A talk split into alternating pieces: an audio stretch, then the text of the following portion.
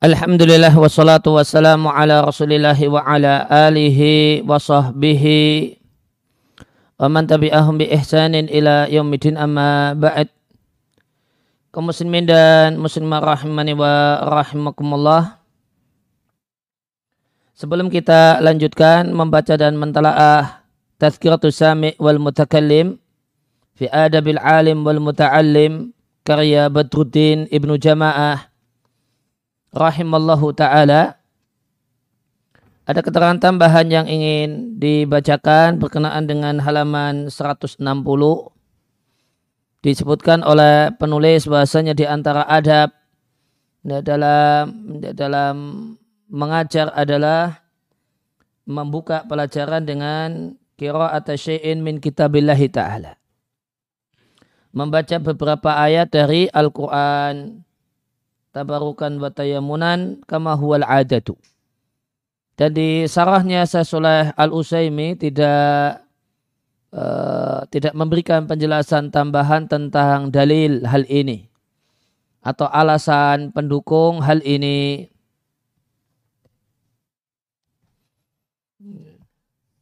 Oleh karena itu ingin saya sampaikan dan saya bacakan alasan pendukung dari uh, poin ini. Saya ambilkan dari buku berjudul Fadlu Majalisil Ilmi Wahilaki Dzikri wa Adabuha karya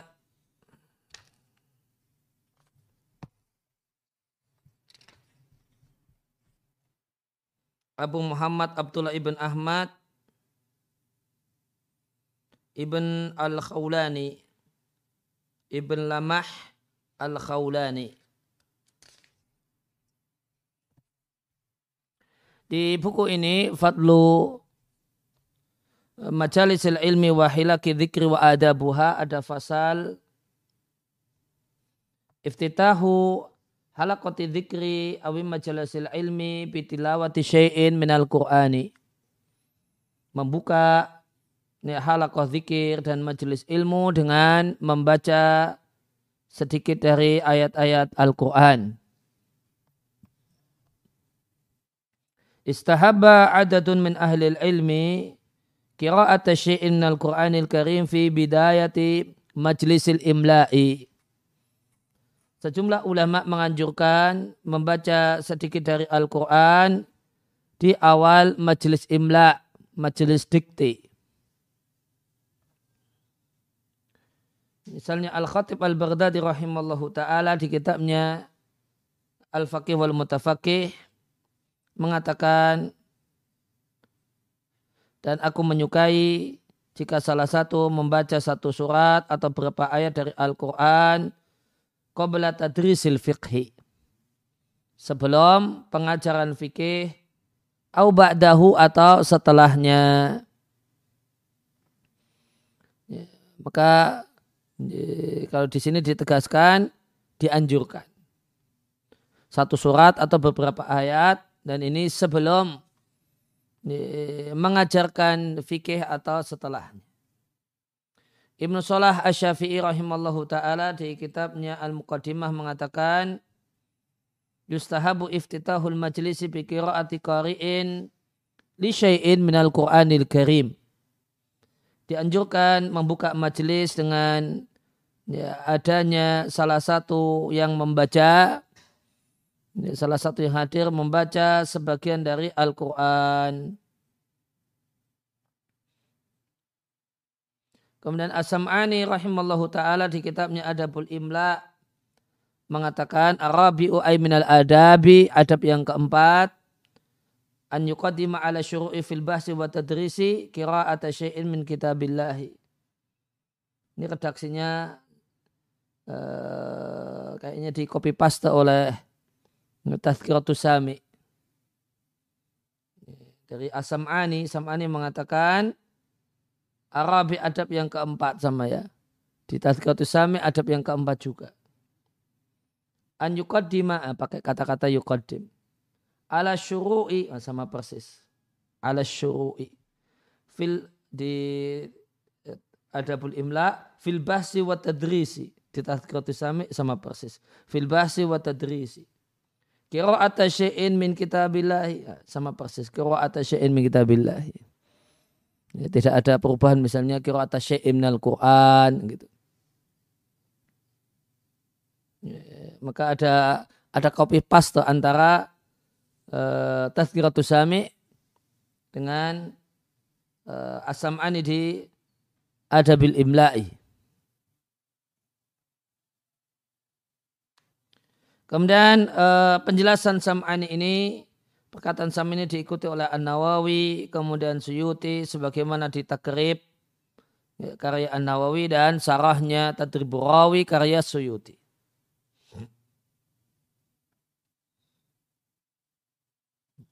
Jadi ulama yang menganjurkan Khatib Al-Baghdadi, Ibnu Salah, Sam'ani, Nawawi, Suyuti. Ada lima yang disebutkan.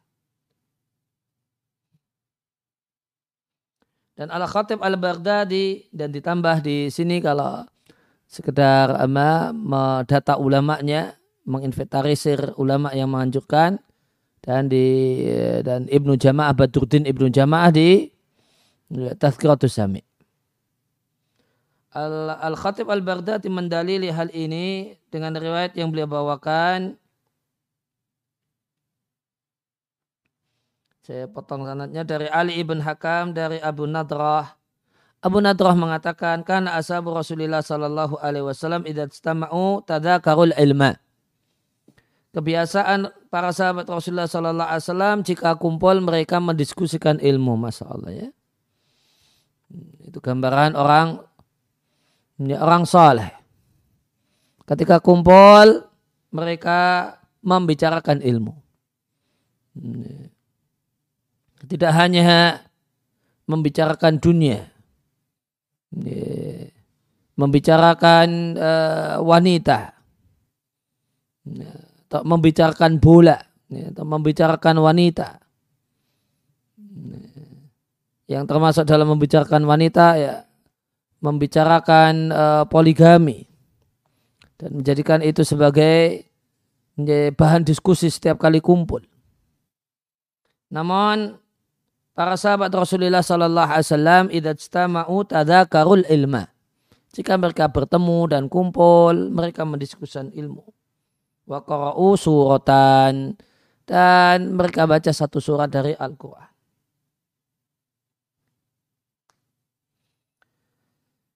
Dan sedangkan As-Sam'ani membawakan riwayat eh, dari Syu'bah, dari Ali ibn Hakam, dari Abu Nadrah, dia mengatakan, kan ashabu Rasulullah sallallahu alaihi wasallam idza istama'u liyadhkurul ilma qara'u suratan. Para sahabat Rasulullah sallallahu alaihi wasallam jika mereka kumpul untuk membicarakan ilmu, maka mereka baca satu surat kata penulis ini, ini yaitu kitab Fadailul Majalisil Ilmi wa hadha sanatun hasanun sahihun. Sanatnya hasan sahih.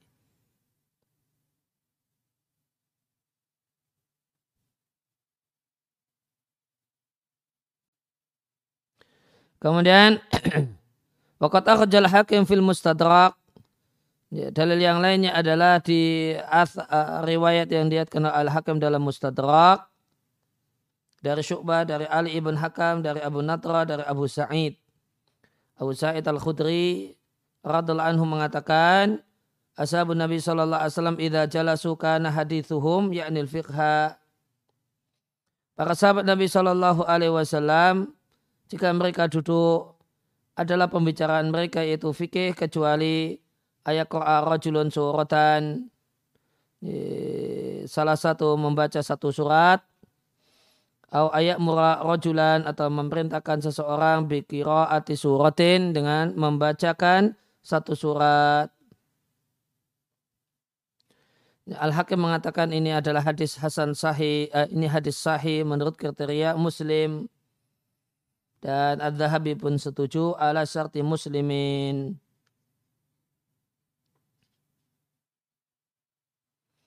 Fasanatu sahihun maka sanatnya eh, kesimpulan dari penulis Fadailul Majalis Ilmi maka sanatnya sahih ya, dengan penyebutan Abu Sa'id Al-Khudri radhiallahu anhu.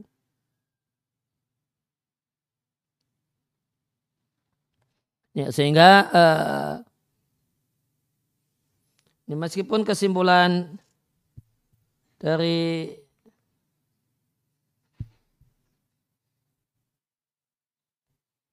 ya, penulis buku Fadailu Majalisil Ilmi kesimpulannya cuma fala ba'sa bidzalika fi ba'dil majalisil ilmiyah. Tidaklah mengapa hal itu dibuka dengan ya, bacaan Al-Quran di sebagian majelis ilmu.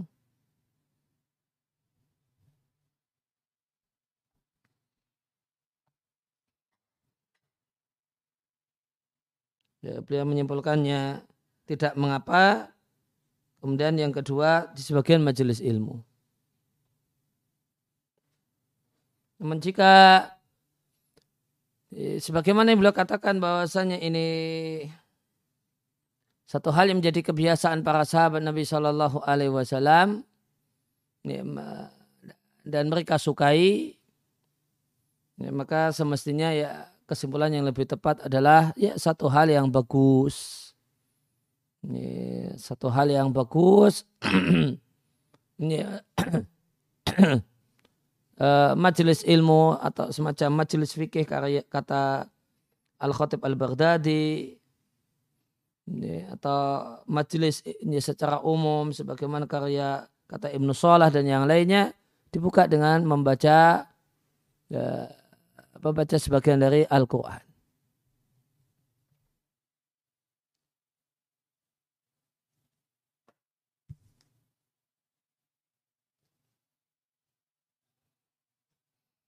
Kemudian kita lanjutkan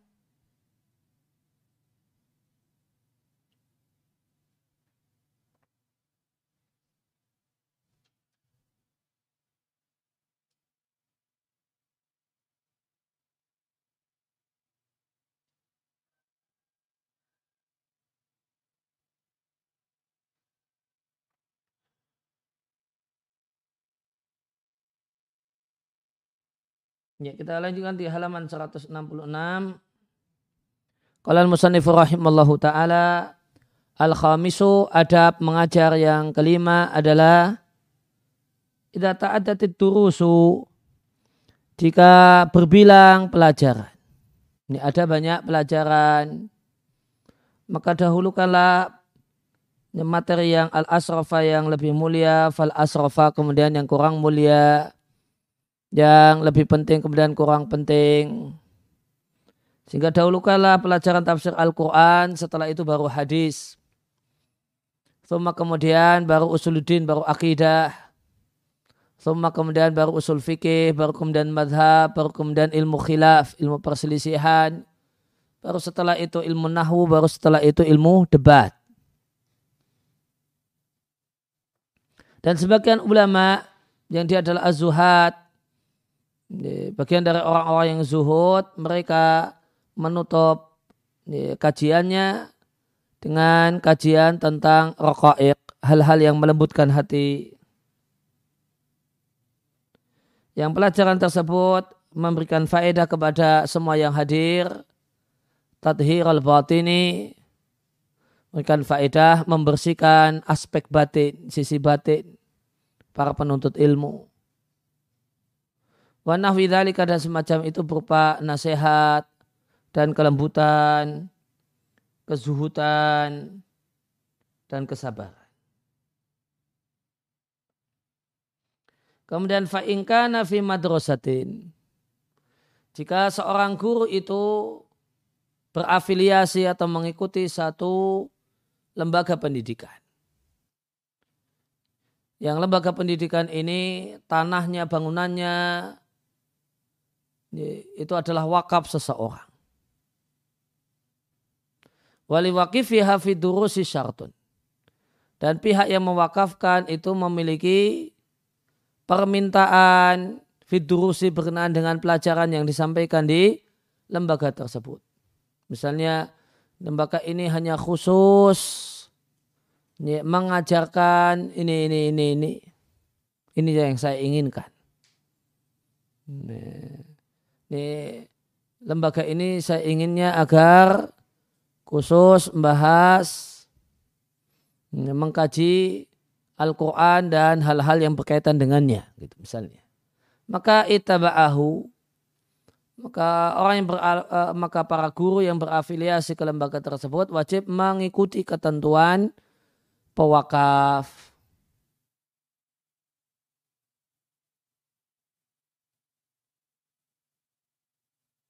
Wala yukhilu dan tidak merusak bima wa ahamuma perkara yang merupakan perkara yang paling penting menjadi tujuan bunyat lahu tilkal binyatu dibangunnya bangunan itu. Wa wukifat li ajlihi dan bangunan itu diwakafkan karenanya. Wa yasilu fi darsihi mayambari wasluhu maka dia lanjutkan. Maka dia sambung dalam pelajarannya hal yang sepatutnya disambung. Dan berhenti fi mawadi'il waqfi di tempat berhenti. Dan mungqata'al uh, wa mungqata'il kalami dan di tempat putusnya kalimat. Dan ada penting bagi seorang guru ketika mengajar seorang guru tidak boleh menyebutkan subahat hal yang membuat kebingungan dalam masalah agama di satu sesi pelajaran, kemudian yuk akhir menunda menyampaikan jawaban dari subhat tersebut di pelajaran berikutnya.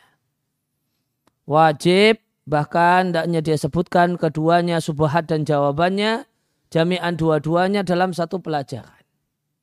Atau dia tinggalkan dua-duanya, ya da'uhuma dia tinggalkan keduanya jami'an dua-duanya. Ya, kalau memang waktunya sudah mepet, ya sudah, dua-duanya nggak usah disebutkan. Ya, tunda di pelajaran berikutnya. Subhatnya orang-orang yang sesat dan jawabannya. Nah, namun jika waktu memungkinkan, maka sebutkan dua-duanya. Ada orang yang tidak percaya dengan ya, Nabi kita adalah Nabi terakhir, alasannya dalihnya begini-begini, jawabannya begini-begini. Jangan ditunda uh, subhatnya sekarang, dalihnya pertemuan berikutnya.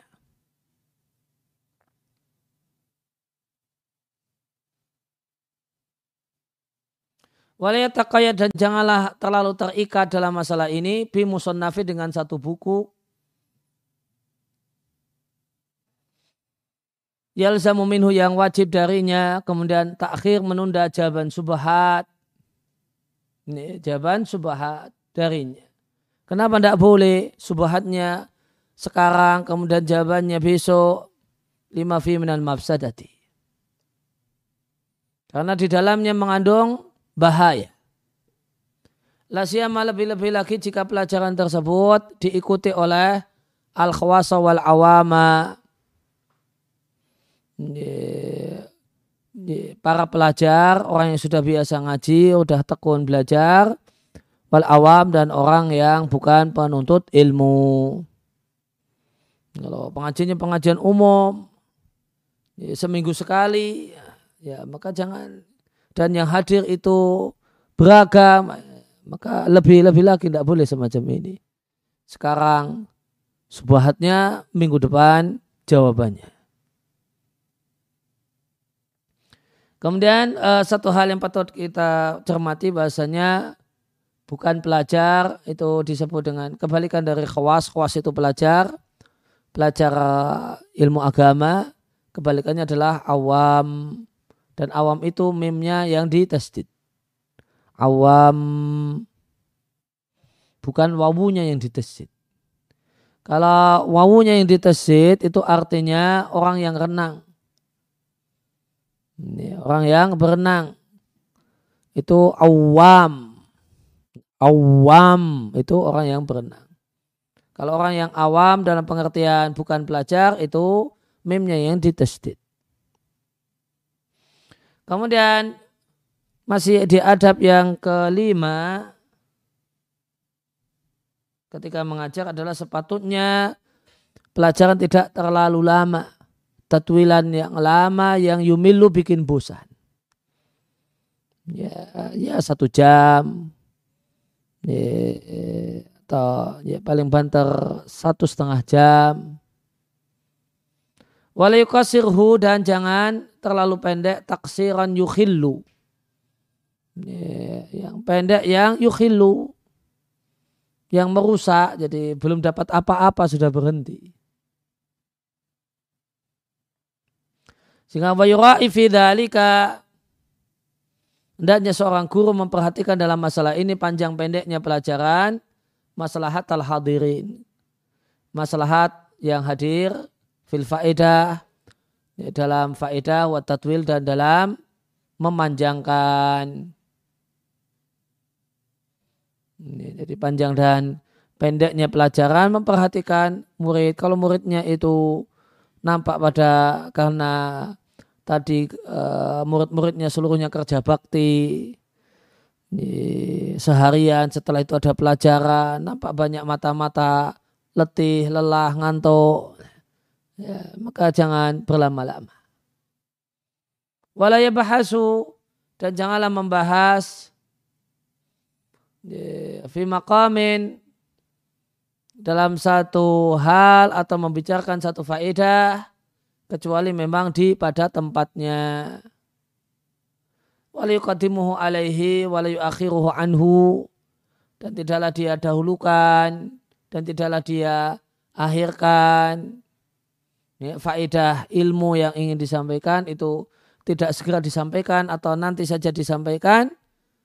Ya, segera ataukah nanti ini menimbang ila lima selahatin kecuali karena maslahat yang mengharuskan hal tersebut dan menguatkan hal tersebut. Kalau syari wa faqahullah, Musanib rahimahullah ta'ala menyebutkan di sini adab yang kelima. Ini untuk adab alim, adab ulama. Ini adab seorang guru ketika mengajar yaitu jika pelajaran itu banyak watana wa'at dan berbilang beraneka ragam maka didulukan pelajaran yang paling mulia pelajaran dan materi yang paling mulia kemudian kurang mulia. Materi yang paling penting kemudian kurang penting. Wahadal bina'u al-masyuru dan Bangunan yang terkenal ini terkenal di kalangan para ulama yang mengatakan yang paling mulia kemudian kurang mulia, yang paling penting kemudian yang kurang penting.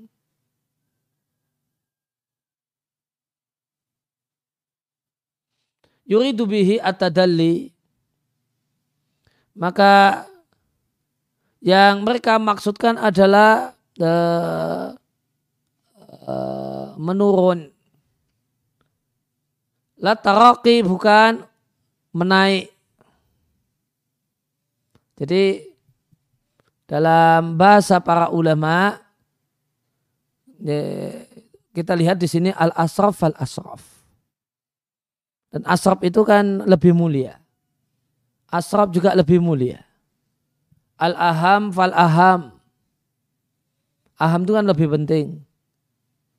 Al aham itu juga lebih penting gaya bahasa ini bina di sini ya berarti uh, gaya bahasa ini ini gaya bahasa yang populer. Itu itu maknanya adalah dari atas ke bawah tadalli. Bukan dari bawah ke atas. Jadi terjemahnya al asraf al asraf itu tadalli. Yang lebih penting kemudian kurang penting. Eh, yang lebih mulia kemudian kurang mulia. Al aham fal aham itu yang lebih penting kemudian yang kurang penting. La taroki jangan diterjemahkan kebalik. Jangan salah terjemah. Sehingga malah dari taroki. Yang mulia kemudian yang lebih mulia. Nah, ini berarti taroki. Yang penting kemudian yang lebih penting. Nah, ini taroki. Bukan. Makna kalimat jenis ini al-asraf al-asraf, al-aham fal-aham, yang sebagiannya supaya nggak salah paham kemudian mengganti al-aham summal muhim gitu. Tapi yang uh, yang bagus sebenarnya al-aham fal-aham. Itu maknanya tadalli. Ini bergerak menurun, bukan tarak bergerak menaik. Sehingga makna kalimat ini adalah memulai dengan yang lebih agung kemuliaannya, kemudian madunahu bawahnya. Awil al-a'zam ahamiyatan, kemudian al-aham fal-aham, itu yang lebih agung urgensinya, kemudian madunahu di bawahnya. Fatakunu alfa maka fa huruf fa di sini litartib menunjukkan urutan. Ingdaman yakulu bihada menurut ulama yang mengatakan fa itu menunjukkan urutan. Dan maknanya demil awali ala mendahulukan yang pertama kemudian yang kedua. Dan mendahulukan yang kedua daripada yang setelahnya. Wa yakunu bainaha dan di antara hal-hal tersebut tafawutun perbedaan dalam sebagian sisi. Fayakunul awalu a'la. Maka yang pertama itu lebih tinggi. Thumma madunahu kemudian bawahnya. Atau kemudian fa di sini li ta'kib. Ta'kib itu urutan namun tanpa jeda. Ala sabali tawali dalam bentuk berturut-turut tadalian dan itu menurun minal a'la ilal adna. Dari atas ke bawah.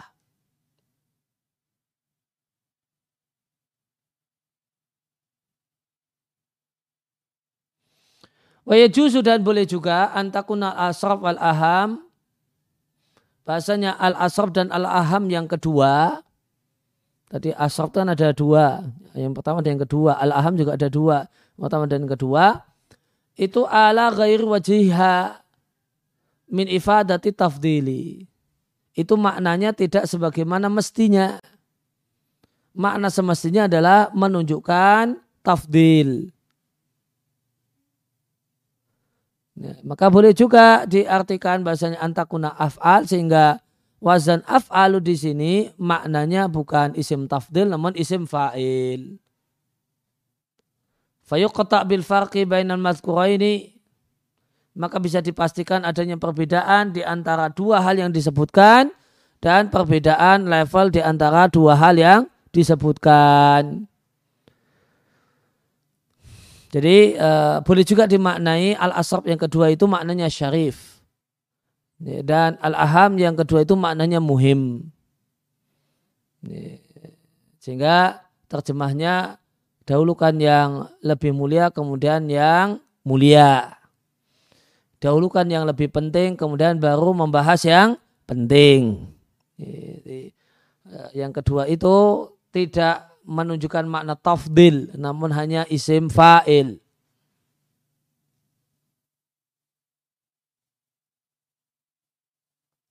Sebagaimana ucapan kita qadimil asraf syarif wa qadimil aham fal muhim sehingga maknanya seperti ini. Dahulukan yang lebih mulia kemudian yang mulia, dahulukan yang lebih penting kemudian yang penting. Fahadani wajahani sahihani. Maka dua pemaknaan ini dua-duanya benar. Pemaknaan yang pertama itu yang lebih fasih. Ini, pemanaan yang pertama itu lebih fasih. Al-asraf al-asraf tetap tafdil. Ini cuma menunjukkan urutan atau urutan plus tanpa jeda. Wathani awdah. Dan pemaknaan yang kedua, al-asraf maknanya syarib. Al-asraf yang kedua maknanya syarib. Al-aham kedua maknanya muhim. Itu awdah lebih jelas. Wa idha fatawahumul ghalat dan jika dikhawatirkan ada pendengar, pemirsa yang uh, tawahum gholat. Dimungkinkan untuk keliru. Qadimusani qata'an. Wallahu a'lam. Maka jelas dahulukanlah yang kedua.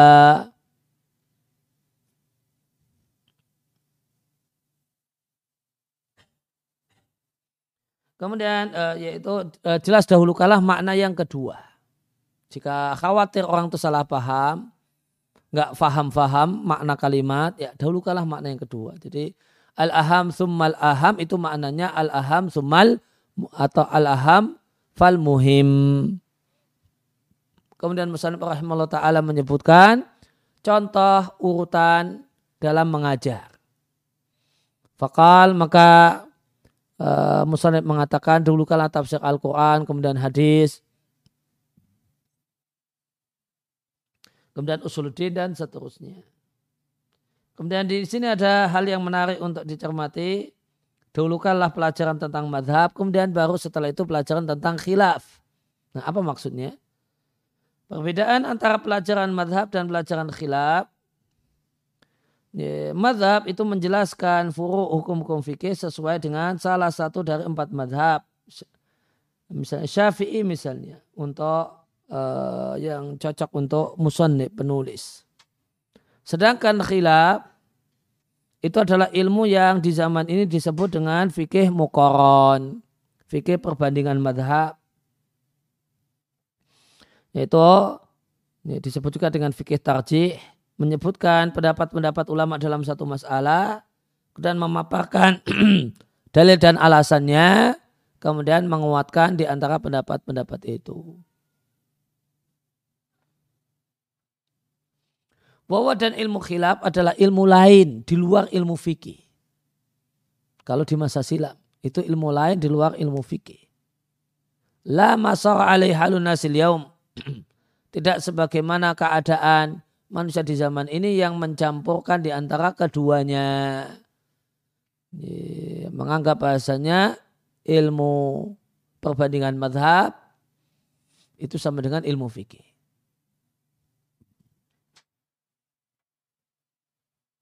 Eh, sehingga mereka ajarkan fikih bercampur antara madhab dengan khilaf. Hasilnya ya, maka keluarlah pelajar fikih khilwan kosong dari ini dan itu.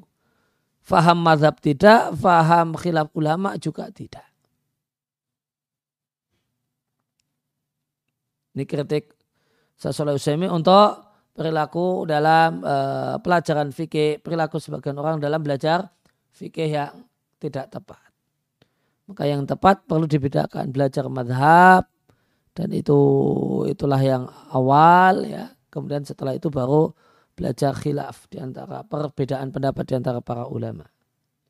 Kemudian Musanib rahimahullah ta'ala menyebutkan bahasanya sebagian ulama ulama yang zuhud menutup pelajarannya dengan pelajaran tentang raqaiq hal-hal yang melembutkan hati.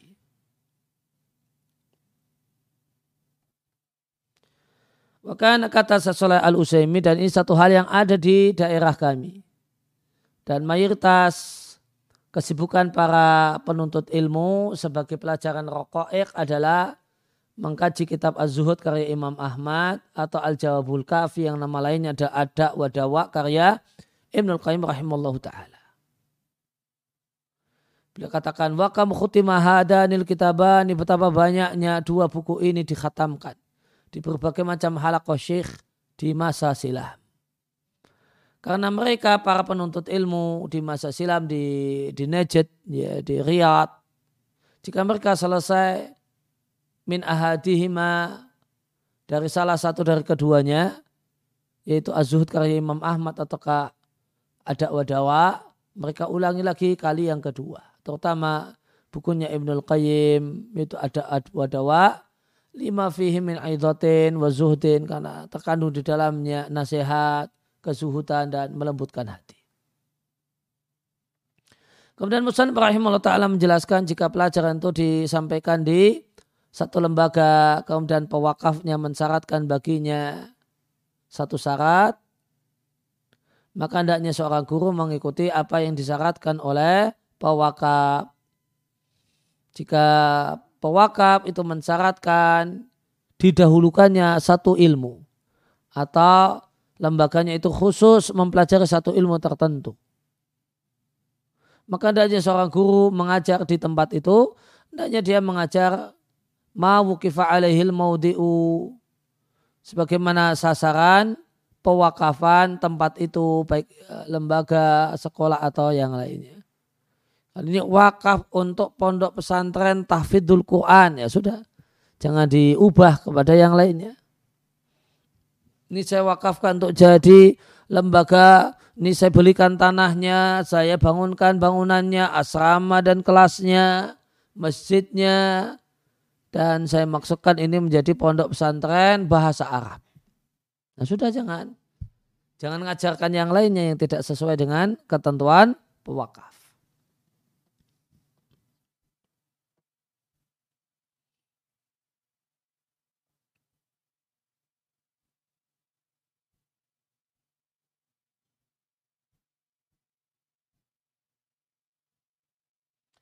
Kemudian beliau sebutkan adab mengajar yang lainnya yaitu se, se, se, sepatutnya menyambung yang sepatutnya disambung.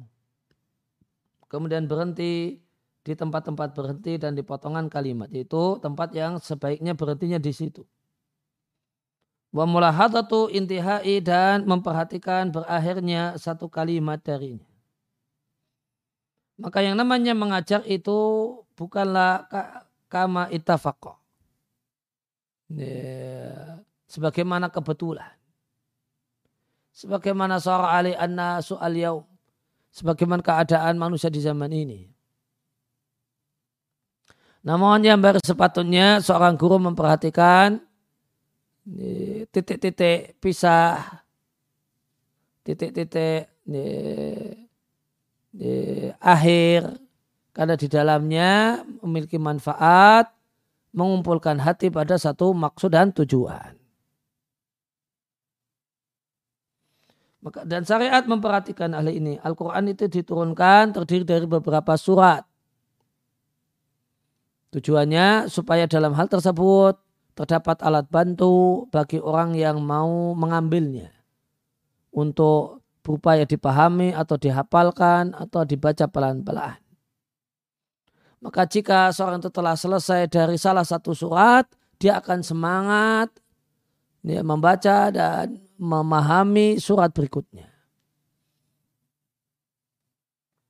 Adapun tidak perhatian dengan munasabah, kecocokan, semacam eh, maka tolib penuntut ilmu membaca apa saja yang kebetulan dia baca dan guru pun yakifu berhenti kebetulan dia berhenti maka ini membahayakan guru dan membahayakan murid. Wakamin insani betapa banyak orang yang engkau dengar menjelaskan satu uh, jumlah terminal kalami satu kalimat.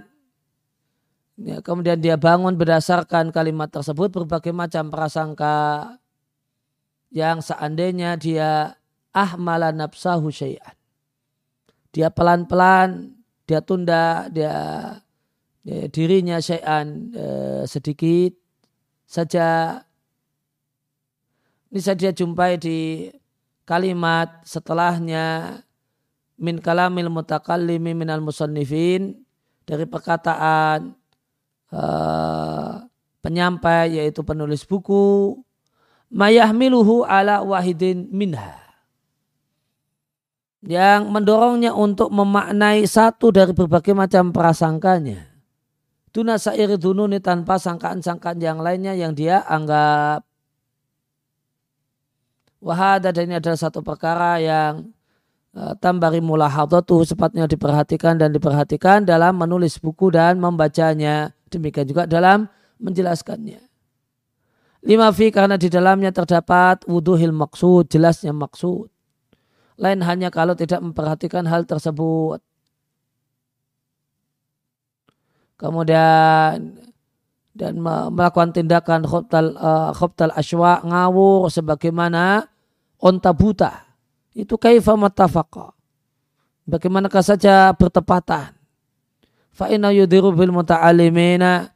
Maka ini membahayakan al-muta'alimin. Membahayakan para murid nasihat penting dari uh, dari Sasolah Al Usaimi ketika mengajar itu berhentinya itu di titik akhir kalimat. Jangan asal berhenti. Ya, kalau misalnya ada beberapa poin di sini misalnya kita baca beberapa adab. Ya, maka yang tepat yang bagus itu ya berhenti di akhir pembahasan satu adab. Sehingga nanti besok masuk ke ada berikutnya. Jangan main potong, main berhenti sesuka hatinya. Kaifamat tafaqqa tadi. Itafaqqa sebenarnya di sini bertepatan kebetulan. Ya terjemah bebasnya semaunya. Nanti berhenti paragraf ini. Gitu. Jadi misalnya itu buku, mbak, misalnya buku sejarah. Pertama kisah Nabi Musa. Setelah itu kisah Nabi Isa. Ya selesaikan kisah Nabi Musa dulu sampai titik. Nah, nanti besok kisah Nabi Isa misalnya. Tidak asal berhenti. Atau kalau kisah Nabi Musa itu panjang, maka diambil titik. Ini tuntasnya di mana. Nanti sehingga kalimat uh, selanjutnya, paragraf selanjutnya adalah pembahasan yang berbeda. Nah ini apa pentingnya sepacam ini tadi disebutkan. Ada sebagian orang yang membaca satu kalimat. Nah ketika membaca satu kalimat dia mengira maksudnya adalah A, B, C gitu. Banyak maksudnya. Mungkin ini, mungkin itu, mungkin itu. Padahal kalau dia lanjutkan dengan paragraf setelahnya, dia tahu ya, apa sebenarnya yang diinginkan di kalimat sebelumnya. Tapi karena tidak baca di paragraf sebelumnya maka dia, dia kira maknanya begini dan begitu. Padahal ternyata tidak demikian. Ini tadi. Kalau dia mau, maaf mana tadi? Lau annahu ahmal, seandainya mau sabar. Dia sabar dirinya, sabarnya syai'an sedikit saja maka dia akan jumpai di kalimat setelahnya perkataan dari penulis buku yang akan membawanya untuk memaknainya dengan satu makna saja. Minha dari sekian banyak sangkaan. Tanpa kemudian sangkaan-sangkaan yang lainnya makna-makna sangkaan yang lainnya yang dia kira. Dan saya sebagai seorang yang uh, sudah bolak-balik membacakan buku ya, saya katakan dan saya respon betul yang beliau yang disampaikan oleh Sasolah al Usaimi ini. Kadang ketika kita membaca uh, satu kalimat berhenti di situ kita bingung. Ini artinya apa karena ada banyak kemungkinan. Apa maksudnya apa karena ada banyak uh, kemungkinan. Tapi kalau kita lanjutkan dengan kalimat uh, uh, kalimat selanjutnya selesai. Ternyata maksudnya demikian. Maka tadi di ketika kita baru membaca kalimat yang atas, maka kita uh, boleh jadi saya jelaskan ini mungkin maknanya demikian, mungkin demikian. Ini ada beberapa kemungkinan. Ternyata setelah lanjut dengan uh, kalimat akhirnya, kalimat selanjutnya ternyata gamblang. Oh, yang dimaksudkan itu adalah ini. Sehingga cara membaca yang benar tadi uh, mana ya? Ini bukan hanya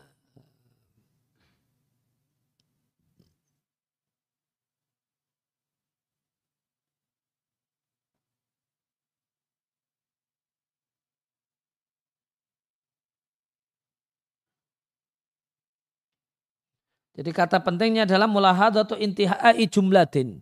Memperhatikan berhenti di titik akhir.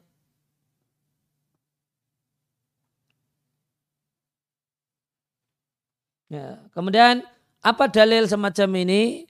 Maka sebagai pembanding disebutkan surat. Al-Quran terdiri beberapa surat. Hmm. Tidak kemudian kan bisa saja tanpa surat-surat. Kenapa apa hikmah di antara surat-surat tersebut? Nah, supaya liyakuna fidzalika aunun li akhidhihi. Dibuat uh, terdiri dari beberapa surat itu jadi alat bantu untuk orang yang mau mengambil Al-Qur'an. Mau berupaya tafahuman, berupaya memahami atau berupaya menghafal atau untuk berupaya baca namun pelan-pelan. Nah, itu kalau baca pelan-pelan bisa di di berhentinya di akhir surat, nah itu yang yang bagus. Ya, maka kenapa bisa jadi alat bantu? Dengan Al-Quran dibagi menjadi beberapa surat. Kalau buku dibagi menjadi beberapa bab atau beberapa fasal, itu bisa jadi alat bantu bagi pembaca.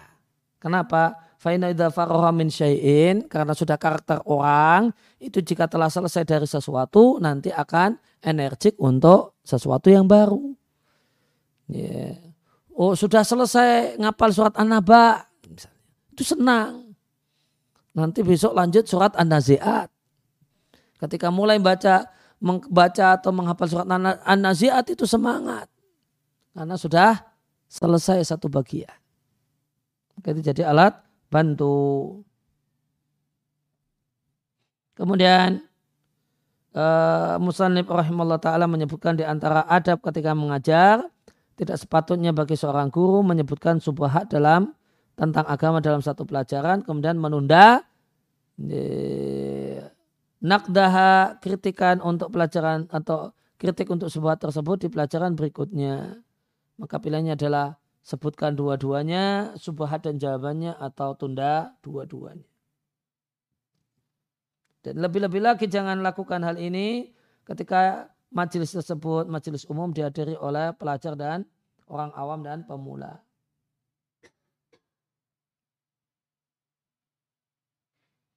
Ya, maka jika waktu tidak cukup selain membacakan subahat, fa'inau yakaruha maka adalah dia bacakan subahat dan dia kritik. Walau lam ya'ti naqdul musannifi, meskipun kritikan dari penulis buku itu belumlah datang kecuali di pelajaran berikutnya. Li'ana karena sesungguhnya telah yang bari tidaklah sepatutnya menyuguhkan subahat hadiron sehingga tersedia sekarang dan menunda kritiknya nasiatan tertunda besok. Jadi minimal kalau pelajaran itu tidaklah cukup, waktu yang ada tidaklah cukup kecuali membacakan subahat, maka setelah subahat dibacakan ada kritik langsung dari guru. Langsung singkat, padat mengena gitu. Meskipun kalau kritikan jawaban subahat dan kritikan untuk sebuah yang ada di buku yang dikaji itu baru dibacakan besok. Namun minimal guru membacakan ringkasan subahatnya dan menyampaikannya.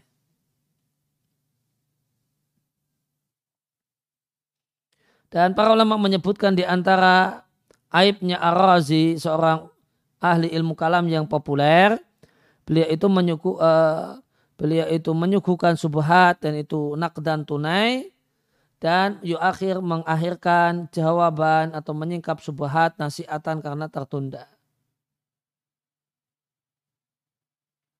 Maka gelaplah buku-bukunya Ar-Razi karena hal ini. Sebagaimana disebutkan panjang lebar hal ini oleh Ibnu Hajar di biografi Ar-Razi di kitab Lisanul Mizan. Demikian juga disebutkan oleh para ulama yang lainnya. Hanya saja Ibnu Hajar itu istaufa. Istaufa itu lengkap.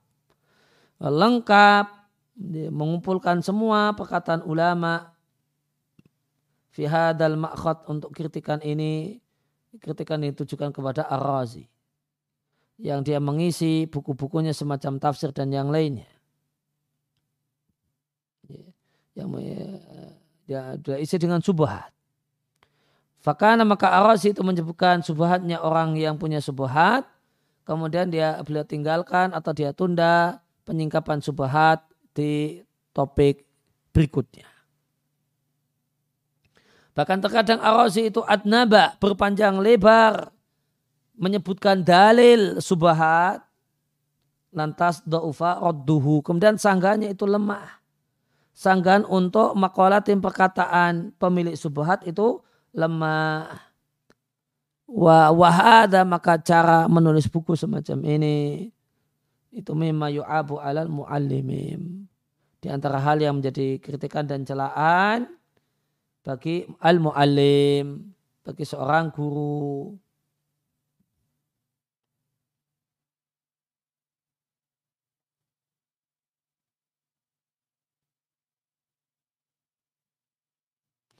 Kemudian Penulis menyebutkan di adab di antara adab mengajar adalah tidak terlalu panjang dan tidak terlalu pendek. Penjelasannya, fawayulah itu halal muta'alimi. Maka hendaknya guru memperhatikan kondisi uh, uh, murid dan kondisi orang yang hadir. Jika para murid adalah min umumin nasi. Ini adalah orang kebanyakan. Jadi majelisnya majelis pengajiannya kajian umum terbuka. Terumum. Maka perhatikanlah hadis Utsman dalam yang ada dalam kitab sahih man amman nasa fali khafif. Siapa yang jadi imam pada banyak orang yang uh, yang variatif, yang beraneka ragam, maka hendaknya maka hendaknya jangan lama-lama. Namun jika pelajaran itu ditujukan untuk khawasul muta'alimin, para para pelajar yang ya khawasil muta'alimin, muta'alimin pelajar, khawas ya pelajar-pelajar yang khusus. Bukan pemula. Ini bukan pemula yang itu mirip-mirip dengan awamun nas, namun pelajar khusus maka hendaklah dia perhatikan petunjuk Nabi Shallallahu Alaihi Wasallam keteladanan Nabi dalam sholat malam.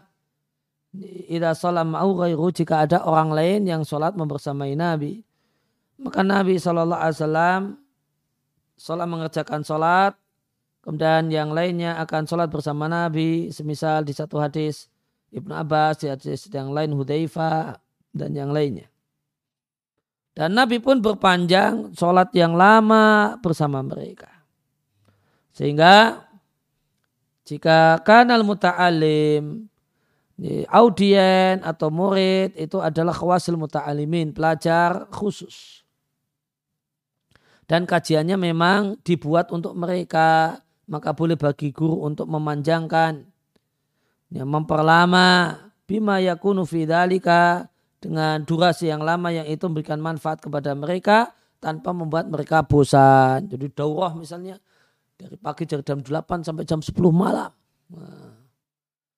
Namun ini tidak mungkin daurah semacam ini ditujukan kepada ya, amatun nas, tidak. Ini hanya bisa cocok untuk penuntut ilmu yang itu pun penuntut ilmu yang istimewa, bukan pemula. Sehingga bisa diajak ngaji dari habis subuh, dari jam 8 sampai jam 10 malam atau habis subuh sampai jam 9 malam. Terus yang disebut orang dengan daurah intensif.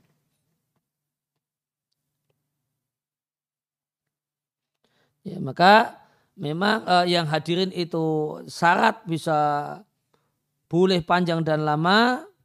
Yang hadir adalah khawasul muta'alimin. Pelajar pelajar bukan pemula. Kemudian memang pelajarannya itu untuk mereka. Jadi kalau ada pemula yang ikut datang ya kalau tidak betah, tidak kuat ya salahnya sendiri loh. Karena ini memang ditujukan untuk uh, maka pelajaran itu diadakan untuk para penuntut ilmu yang bukan pemula. Namun uh, ya namun meskipun demikian ya tetap pakai kaidah silakan panjangkan bima yakunu fidalika dengan panjang yang itu manfaat gitu tanpa membuat mereka bosan. Namun jika pelajaran dan kajian itu untuk umum nas, untuk semua orang, maka harus memperhatikan kaidah ini. Kemudian Musanib rahimahullah ta'ala menyebutkan di antara adab guru ketika mengajar, eh, tidaklah membahas di satu konteks atau mencarkan satu faedah kecuali pada tempatnya.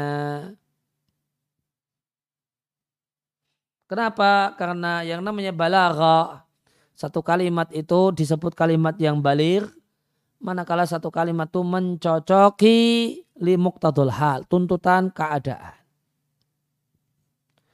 Dan keindahan berbahasa yang paling penting adalah baratut ta'allum, keindahan dalam belajar. Bentuknya dengan meletakkan semua kalimat pada tempatnya. Faliyukadimu bisyarhi syai'in. Maka tidaklah didahulukan penjelasan tentang satu hal dan ditunda dari tempatnya. Lima fidhalika karena dalam hal tersebut itu menyelisih tuntutan keindahan berbahasa yang ini membahayakan para pelajar. Bala buta namun haruslah ayulah itu ta'limahu al-muta'alimin seorang guru memperhatikan pengajarannya kepada para murid-muridnya. Adalah dia perhatikan hatta yaqa'a ta'allumuhum. Sehingga aktivitas belajar para siswa itu yang belajar minhu darinya dari gurunya itu itu betul-betul pada tempat kebutuhan mereka. Pada sehingga pengajaran itu ya kok tepat pada tempat yang memang menjadi kebutuhan mereka. Nah, pada tempat di sini artinya kondisi yang menjadi kebutuhan mereka. Wa amma ada ayat tidak tidak memperhatikan hal ini maka itu membahayakan para pelajar.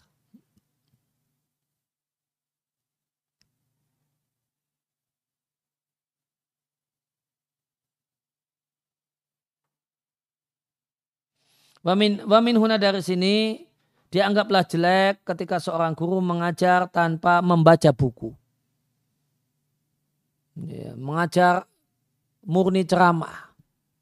Bukunya cuma untuk aksesoris saja.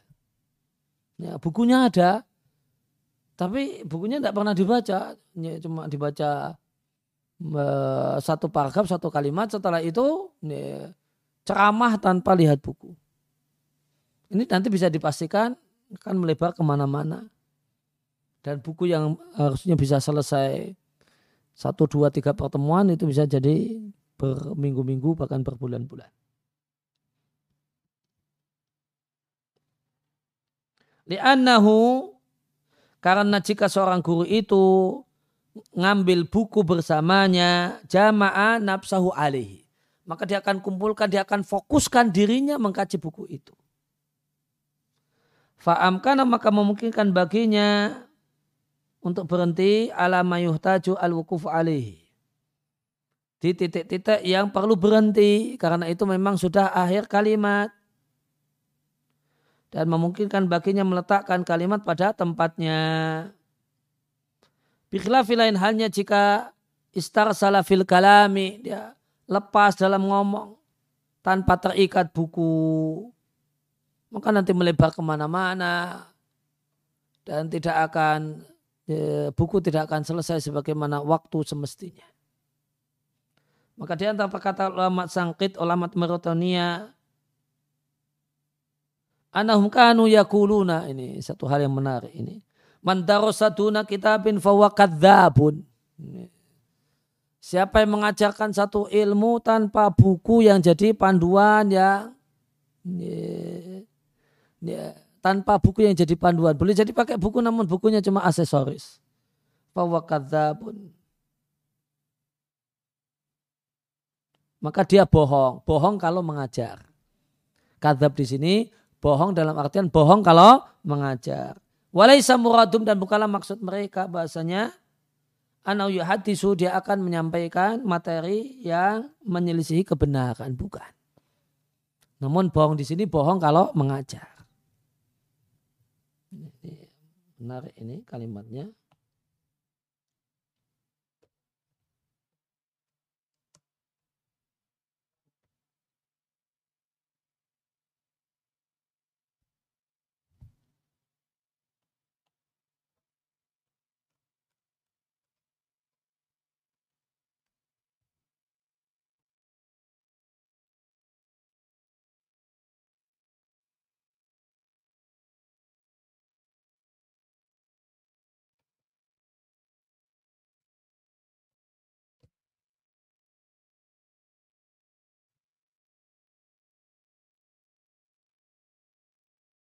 Ya, mandarosaduna kitabin siapa yang mengajar mengajarkan satu ilmu. Ini bukan ini ya, memang ini bukan muhadarah ya, bukan ceramah umum, bukan kajian tematik. Namun ini, ini kajian intensif mengkaji satu ilmu. Ya, maka kalau bentuknya adalah kajian intensif mengkaji satu ilmu, namun tanpa buku panduan di dalam ilmu tersebut. Dan tanpa fokus dengan hal itu maka ini bohong. Pengajarannya bukan bukan ngajar namun cerita. Nih, namun yang terjadi bukan ngajar namun bercerita. Ke sana dan kemari. Orang ngajar ini ngajar ilmu tajwid. Tanpa buku nama uh, maka tanpa buku panduan maka nanti uh, maka isinya tidak karuan. Ya, karena dia tidak dibatasi dan tidak diikat oleh buku tertentu. Ini, yang betul-betul mengajar ya ini ada buku yang minimal bukunya adalah matan ya. Matan yang mau dijelaskan Ya, bukan asal tanpa asal ngomong tanpa panduan. Ya meskipun nanti buku di sini ya bisa bentuknya matan. Buku ini kalau dalam dunia kuliah boleh jadi bentuknya materi PowerPoint gitu. Ya, kalau di dunia kuliah itu boleh jadi uh, makalah tertentu yang sudah disiapkan oleh pemateri itu juga statusnya seperti buku. Intinya belajar yang betul-betul belajar itu ada uh, ada yang ada sesuatu yang ngerim mengendalikan seorang guru supaya tidak terlalu melebar. Supaya tidak terlalu ke sana dan kemari. Supaya kemudian fokus tadi disebutkan dengan apa? Jamaah nafsahu alaihi. Dia bisa fokus mengumpulkan dirinya untuk membahas satu hal. Nah, uh, kadab di sini bukan artinya eh, mahwa khilaful haqqi. Perkataan yang menyelisih kebenaran. Namun, inama muraduhum yang dimaksudkan anak taklimau pengajarannya itu tidak akan tertuju pada tempat yang sepatutnya.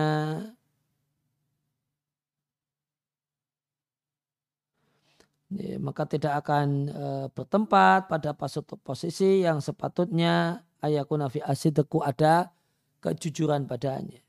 Karena seorang guru tidak akan memberikan manfaat pada para pelajar, para muridnya jika kecuali jika dia jujur dan tulus dalam mengajar. Dan ketulusan dalam mengajar tidaklah terbatas pada kalimat itu mencocoki hakikat senyatanya. Namun termasuk bagian dari kejujuran dalam mengajar adalah perkataan seorang guru itu mencocoki apa yang menjadi kebutuhan murid tanpa ditambahi, tanpa dikurangi. Seorang guru itu mengajar tanpa mendahulukan sesuatu dari tempatnya dan tanpa menunda sesuatu dari tempatnya.